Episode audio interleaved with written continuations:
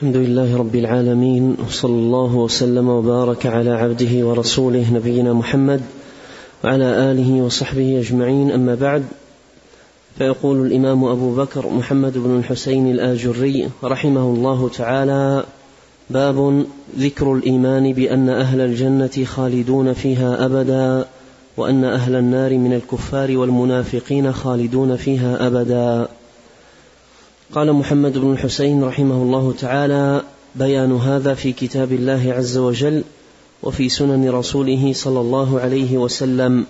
قال الله تعالى في سورة النساء والذين آمنوا وعملوا الصالحات سندخلهم جنات تجري من تحتها الأنهار خالدين فيها أبدا لهم فيها أزواج مطهرة وندخلهم ظلا ظليلا. نعم. بسم الله الرحمن الرحيم. الحمد لله رب العالمين وأشهد أن لا إله إلا الله وحده لا شريك له وأشهد أن محمدا عبده ورسوله صلى الله وسلم عليه وعلى آله وأصحابه أجمعين. اللهم علمنا ما ينفعنا وانفعنا بما علمتنا وزدنا علما وأصلح لنا شأننا كله ولا تكلنا إلى أنفسنا طرفة عين. أما بعد هذا الباب فيه آخر مسألة من المسائل المتعلقة بالإيمان بالجنة والنار. وعرفنا أن الإيمان بالجنة والنار ينتظم مسائل عديدة والمصنف رحمه الله تعالى ذكر أبوابا فيما يتعلق بالإيمان بالجنة والنار ختمها بهذا الباب. الإيمان بأن أهل الجنة خالدون فيها أبدا وأن أهل النار من الكفار والمنافقين خالدون فيها أبدا. أي أن حياة أهل الجنة في الجنة خلود بلا موت ونعيم بلا انقطاع وأيضا عذاب أهل النار في النار خلود بلا موت. لا يقضى عليهم فيموتوا ولا يخفف عنهم من عذابها. بل, بل هم مخلدون فيها أبد الآباد. وهذا الأصل دلت عليه دلائل كثيرة في كتاب الله سبحانه وتعالى وسنة نبيه صلوات الله وسلامه وبركاته عليه. وقد ساق المصنف رحمه الله تعالى جملة من آيات الله تبارك وتعالى فيها التنصيص على على ذلك فيما يتعلق بالجنة وأيضا فيما يتعلق بالنار.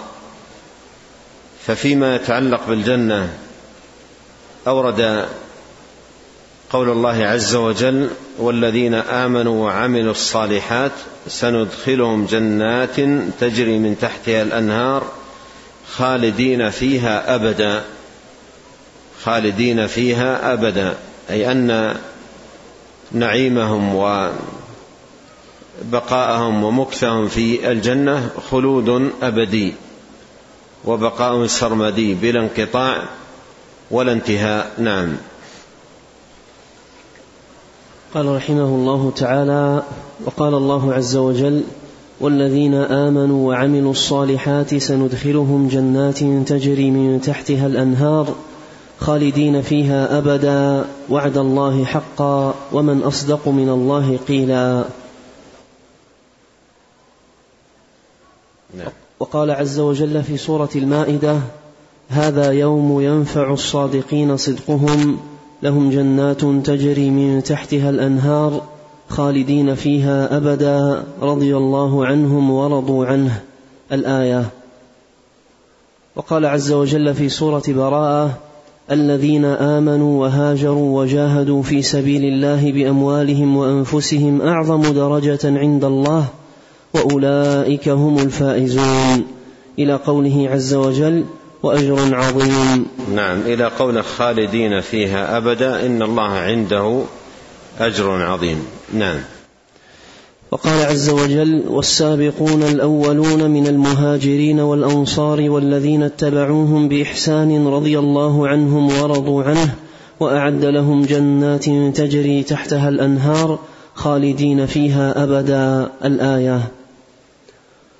وقال عز وجل في سورة الحجر ونزعنا ما في صدورهم من غل إخوانا على سرر متقابلين. لا يمسهم فيها نصب وما هم منها بمخرجين. وقال عز وجل في سورة إن الذين آمنوا وعملوا الصالحات كانت لهم جنات الفردوس نزلا خالدين فيها لا يبغون عنها حولا. وقال عز وجل في سورة الواقعة وأصحاب اليمين ما أصحاب اليمين إلى آخر الآية. نعم والشاهد منها لا مقطوعة ولا ممنوعة أي دائمة وأبدية. نعم. وقال عز وجل في سورة التغابن ومن يؤمن بالله ويعمل صالحا يكفر عنه سيئاته ويدخله جنات تجري من تحتها الأنهار خالدين فيها أبدا. ذلك الفوز العظيم. وقال عز وجل في سورة لم يكن إن الذين آمنوا وعملوا الصالحات أولئك هم خير البرية. جزاؤهم عند ربهم جنات عدن تجري من تحتها الأنهار خالدين فيها أبدا. إلى آخر السورة. قال محمد بن الحسين رحمه الله تعالى ولهذا في القرآن نظائر كثيرة تخبر أن المتقين في الجنة خالدين آمنين.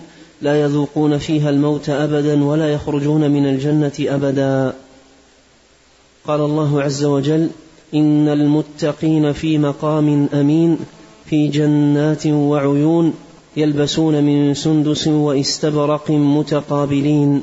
إلى قوله ووقاهم عذاب الجحيم. نعم الشاهد لا يذوقون فيها الموت إلا الموتة الأولى ووقاهم عذاب الجحيم. نعم. قال محمد بن الحسين رحمه الله تعالى وقد ذكر الله تعالى في كتابه أن أهل النار الذين هم أهلها يخلدون فيها أبدا. قال الله عز وجل في سورة النساء إن الذين كفروا وظلموا لم يكن الله ليغفر لهم ولا ليهديهم طريقا إلا طريق جهنم خالدين فيها أبدا وكان ذلك على الله يسيرا. وقال عز وجل في سورة الأحزاب ان الله لعن الكافرين واعد لهم سعيرا خالدين فيها ابدا إلى اخر الايه. وقال عز وجل ونادوا يا مالك ليقض علينا ربك قال انكم ماكثون. وقال عز وجل والذين كفروا لهم نار جهنم لا يقضى عليهم فيموتوا ولا يخفف عنهم من عذابها. كذلك نجزي كل كفور. وقال عز وجل في سورة الجاثية وأما الذين كفروا أفلم تكن آياتي تتلى عليكم فاستكبرتم وكنتم قوما مجرمين؟ إلى قوله وقيل اليوم ننساكم كما نسيتم لقاء يومكم هذا. إلى قوله ولا هم يستعتبون. الشاهد فاليوم لا يخرجون منها ولا هم يستعتبون. فاليوم لا يخرجون منها ولا هم يستعتبون. أي أنهم مخلدون في النار أبد الآباد. نعم. قال محمد بن الحسين رحمه الله تعالى فالقرآن شاهد أن أهل الجنة خالدون فيها أبدا في جوار الله عز وجل في النعيم يتقلبون. قال الله عز وجل وفاكهة كثيرة لا مقطوعة ولا ممنوعة. وفرش مرفوعة الآية. وأهل النار الذين هم أهلها في العذاب السرمد أبدا لا يفتر عنهم وهم فيه مبلسون. نعم لا يفتر أي لا يخفف. قال أخبرنا الفريابي قال حدثنا إسحاق بن راهوية قال أخبرنا النضر بن شميل عن حماد بن سلمة عن عاصم بن أبي النجود عن أبي صالح عن أبي هريرة رضي الله عنه عن رسول الله صلى الله عليه وسلم قال يجاء بالموت يوم القيامة كأنه كبش املح أعفر. فيوقف بين الجنة والنار ثم يقال يا أهل الجنة فيشرئبون فينظرون. ثم يقال يا أهل النار فيشرئبون فينظرون. فيرون أن الفرج قد جاءهم فيدعى فيذبح بين الجنة والنار. ويقال يا أهل الجنة خلود ولا موت خلود لا موت فيه ويا أهل النار خلود لا موت فيه. قال إسحاق قال النضر معنى أعفر الذي منه بياض وسواد. قال وأخبرنا الفريابي قال حدثنا أبو بكر ابن أبي شيبة وعلي بن المديني قالا حدثنا أبو معاوية محمد بن خازم قال حدثنا الأعمش عن أبي صالح عن أبي سعيد الخدري رضي الله عنه قال قال رسول الله صلى الله عليه وسلم يؤتى بالموت يوم القيامة كأنه كبش أملح فيوقف بين الجنة والنار فيقال يا أهل الجنة تعرفون هذا فيشرئبون وينظرون فيقولون هذا الموت ويقال يا أهل النار أتعرفون هذا فيشرئبون وينظرون ويقولون هذا الموت؟ قال فيؤمر فيذبح. ثم يقال يا أهل الجنة خلود ولا موت ويا أهل النار خلود ولا موت. ثم قرأ رسول الله صلى الله عليه وسلم وأنذرهم يوم الحسرة إذ قضي الأمر وهم في غفلة وهم لا يؤمنون. ولهذين الحديثين طرق جماعة. تم الجزء العاشر من كتاب الشريعة بحمد الله ومنه وصلى الله وسلم على رسوله محمد النبي وآله وسلم. يتلوه الجزء الحادي عشر من الكتاب إن شاء الله وبه الثقة.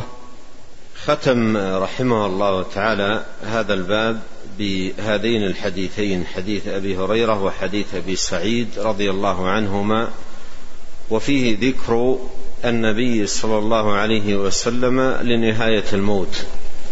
ذكر النبي صلى الله عليه وسلم لنهاية الموت وأن الموت يؤتى به يوم القيامة بعد أن يدخل أهل الجنة الجنة ويدخل أهل النار النار ولا يبقى في النار إلا أهلها الكفار المخلدون فيها. فحينئذ يؤتى بالموت بهذه الصورة. كما قال عليه الصلاة والسلام كأنه كبش أملح أعفر والأعفر الذي منه بياض وسواد. فيؤتى بهذه الصفة كأنه كبش أملح أعفر ويوقف بين الجنة والنار. ويوقف أي الموت بين الجنة والنار. وينادى أهل الجنة أتعرفونه؟ أتعرفونه؟ فيشرب يشربون وينظرون ويقولون هذا الموت. لماذا قال هؤلاء هذا الموت؟ وكذلك أهل النار قالوا هذا الموت لأن الجميع قد ذاقوه. لأن الجميع قد ذاقوا الموت رأوا الموت وذاقوه. ولهذا يعرفونه معرفة شيء عاينوه وشاهدوه وذاقوه. فكل منهم يعرف الموت لأنه ذاق الموت جاءه الموت وذاق الموت. فلما يؤتى بالموت بهذه الصفة ويجعل بين الجنة وبين النار يقال لأهل الجنة تعرفون؟ فيقول نعم هذا الموت. ويقال لأهل النار تعرفون؟ يقول نعم هذا الموت. لأن الجميع قد رآه وذاقه. ثم يذبح الموت يذبح حقيقة كما أخبر نبينا عليه الصلاة والسلام يذبح بين الجنة والنار الموت يذبح بين الجنة والنار وأهل الجنة يرونه وهو يذبح وأهل النار يرونه وهو يذبح. وهذا الذبح للموت فيه إشعار لهؤلاء وهؤلاء أن حياتهم فيما هم فيه حياة أبدية. حياة أهل الجنة في الجنة حياة أبدية خالدين فيها أبد الآباد وحياة أهل النار في النار حياة أبدية خالدين فيها أبد الآباد. وحينئذ يكون الأمر حسرة حسرة هي أشد الحسرة على أهل النار. وكم يتمنون من الأمان في النار فلا ينالون منها شيئا مثل ما تقدم معنا في قوله سبحانه وتعالى ونادوا يا مالك خازن النار ليقضي علينا ربك قال إنكم ماكثون أيضا قال الله سبحانه والذين, له والذين كفروا لهم نار جهنم لا يقضى عليهم فيموتوا ولا يخفف عنهم من عذابها. كذلك نجزي كل كفور. فلا يقضى عليهم ليس هناك موت لأن الموت كما في الحديث يذبح وهم يرونه بين الجنة والنار ويقال لهم على إثر ذبحه يا أهل النار خلود فلا موت. ففي النار لا يقضى عليهم فيموتوا وأيضا لا يخفف عنهم العذاب لأنهم يسألون عدة أمور منها أن يخفف العذاب. فلا يخفف بل قال الله في سورة النبأ فذوقوا فلن نزيدكم إلا عذابا. قال بعض المفسرين هذه أشد آية على الكفار. أشد آية على الكفار أهل النار هي قول الله لهم ذوقوا فلن نزيدكم إلا عذابا. يسألون الله أن يعيدهم إلى الدنيا ليعملوا صالحا غير الذي كانوا يعملونه ويسألون الله سبحانه وتعالى أن يخفف عنهم العذاب ويسألونه أن يقضى عليهم فيموتوا فلا ينالون شيئا من من ذلك بل لا يقال لهم إلا فذوقوا فلن نزيدكم إلا عذابا ويبقون في آه، في النار خالدين مخلدين أبد الآباد. وهذه الآيات التي ساق المصنف رحمه الله تعالى تدل على أن من العقيدة الواجب اعتقادها في الجنة والواجب اعتقادها في النار أن الجنة والنار باقيتان لا تفنيان وأهلها مخلدون فيها أبد الآباد. فأهل الجنة في الجنة في نعيم مقيم وأهل النار في النار في عذاب دائم. هؤلاء مخلدون في النعيم وهؤلاء مخلدون في العذاب. وبهذا يكون انتهى ما أراد المصنف رحمه الله تعالى بيانه فيما يتعلق من عقيدة في الجنة والنار وسبق أن أشرت إلى أن جملة ما يجب اعتقاده فيما يتعلق في الجنة والنار يرجع إلى أمور ستة. الأول منها أن الجنة والنار حق. قد كان نبينا عليه الصلاة والسلام يستفتح صلاة الليل بقوله والجنة حق والنار حق. والأمر الثاني أن الجنة والنار موجودتان مخلوقتان وقد مر معنا عند المصنف رحمه الله تعالى جملة من الدلائل على ذلك. والأمر الثالث أن أنهما باقيتان كما أوضح الأدلة على ذلك في الباب الأخير. باقيتان لا تفنيان وأهلها وأهل, وأهل الجنة مخلدون فيها أبد الآباد وأهل النار مخلدون فيها أبد الآباد.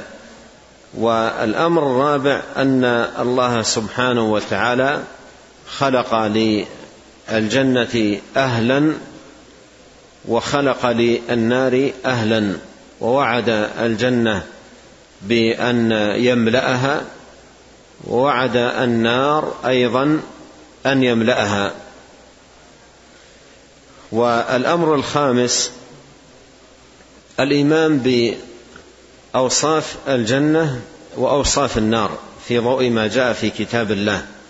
وسنة نبيه عليه الصلاة والسلام فإن الكتاب والسنة جاء فيهما تفاصيل كثيرة جدا فيما يتعلق بالنعيم الذي أعده الله سبحانه وتعالى لأهل الجنة وفي الجنة وأيضا ما ما يتعلق بالعذاب الذي وأنواعه الذي أعده الله سبحانه وتعالى لأهل النار في النار. فالإيمان بذلك هو أيضا من الواجب اعتقاده فيما يتعلق بالجنة والنار. الأمر السادس الإيمان بالأسباب أسباب دخول الجنة وأسباب دخول النار. الأمور التي تقرب من الجنة والأمور التي تقرب من النار. قد مر عند المصنف رحمه الله أحاديث فيها أن الجنة حفت بالمكاره وأن النار حفت بالشهوات. وهذا فيه التنبيه على أن المؤمن ينبغي عليه أن يعرف أسباب دخول الجنة وأن يجاهد نفسه على القيام بها وإن كرهت وأن يعرف أيضا أسباب دخول النار ويجاهد نفسه على البعد عنها وإن رغبت في تلك الأعمال.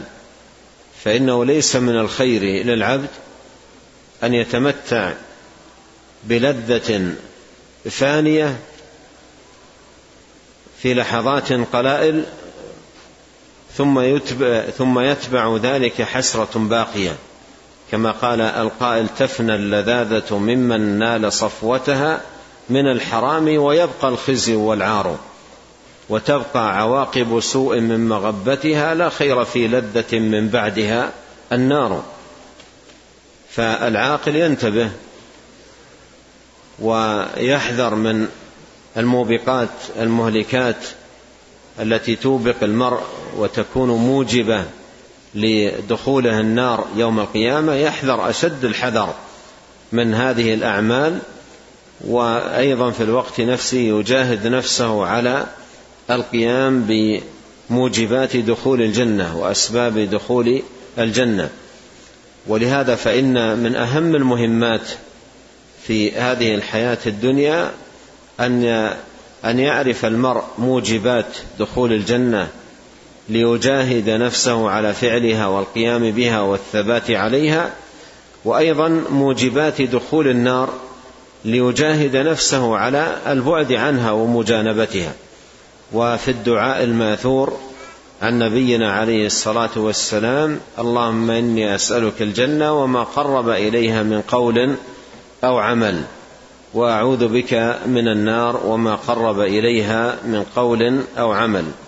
ونسأل الله الكريم رب العرش العظيم بأسماء الحسنى وصفاته العليا أن ينفعنا أجمعين بما علمنا وأن يزيدنا علما وأن يصلح لنا شأننا كله وألا يكلنا إلى أنفسنا طرفة عين. إنه تبارك وتعالى سميع قريب مجيب.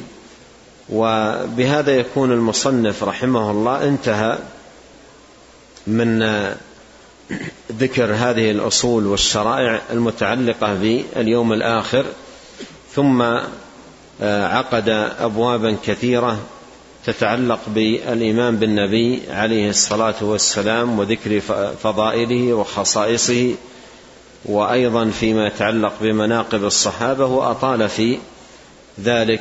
ونسأل الله الكريم أن ينفعنا أجمعين وأن يزيدنا علما وتوفيقا وتسديدا وأن يصلح لنا شأننا كله وألا يكلنا إلى أنفسنا طرفة عين. وأن يغفر لنا ولوالدينا ولمشايخنا ولولاة أمرنا وللمسلمين والمسلمات والمؤمنين والمؤمنات الأحياء منهم والأموات. اللهم اقسم لنا من خشيتك ما يحول بيننا وبين معاصيك ومن طاعتك ما تبلغنا به جنتك ومن اليقين ما تهون به علينا مصائب الدنيا. اللهم متعنا بأسماعنا وأبصارنا وقوتنا ما أحييتنا واجعله الوارث منا واجعل ثأرنا على من ظلمنا وانصرنا على من عادانا ولا تجعل مصيبتنا في ديننا ولا تجعل الدنيا أكبر همنا ولا مبلغ علمنا ولا تسلط علينا من لا يرحمنا. سبحانك اللهم وبحمدك أشهد أن لا إله إلا أنت أستغفرك وأتوب إليك. اللهم صل وسلم على عبدك ورسولك نبينا وآله وصحبه. جزاكم الله خيرا.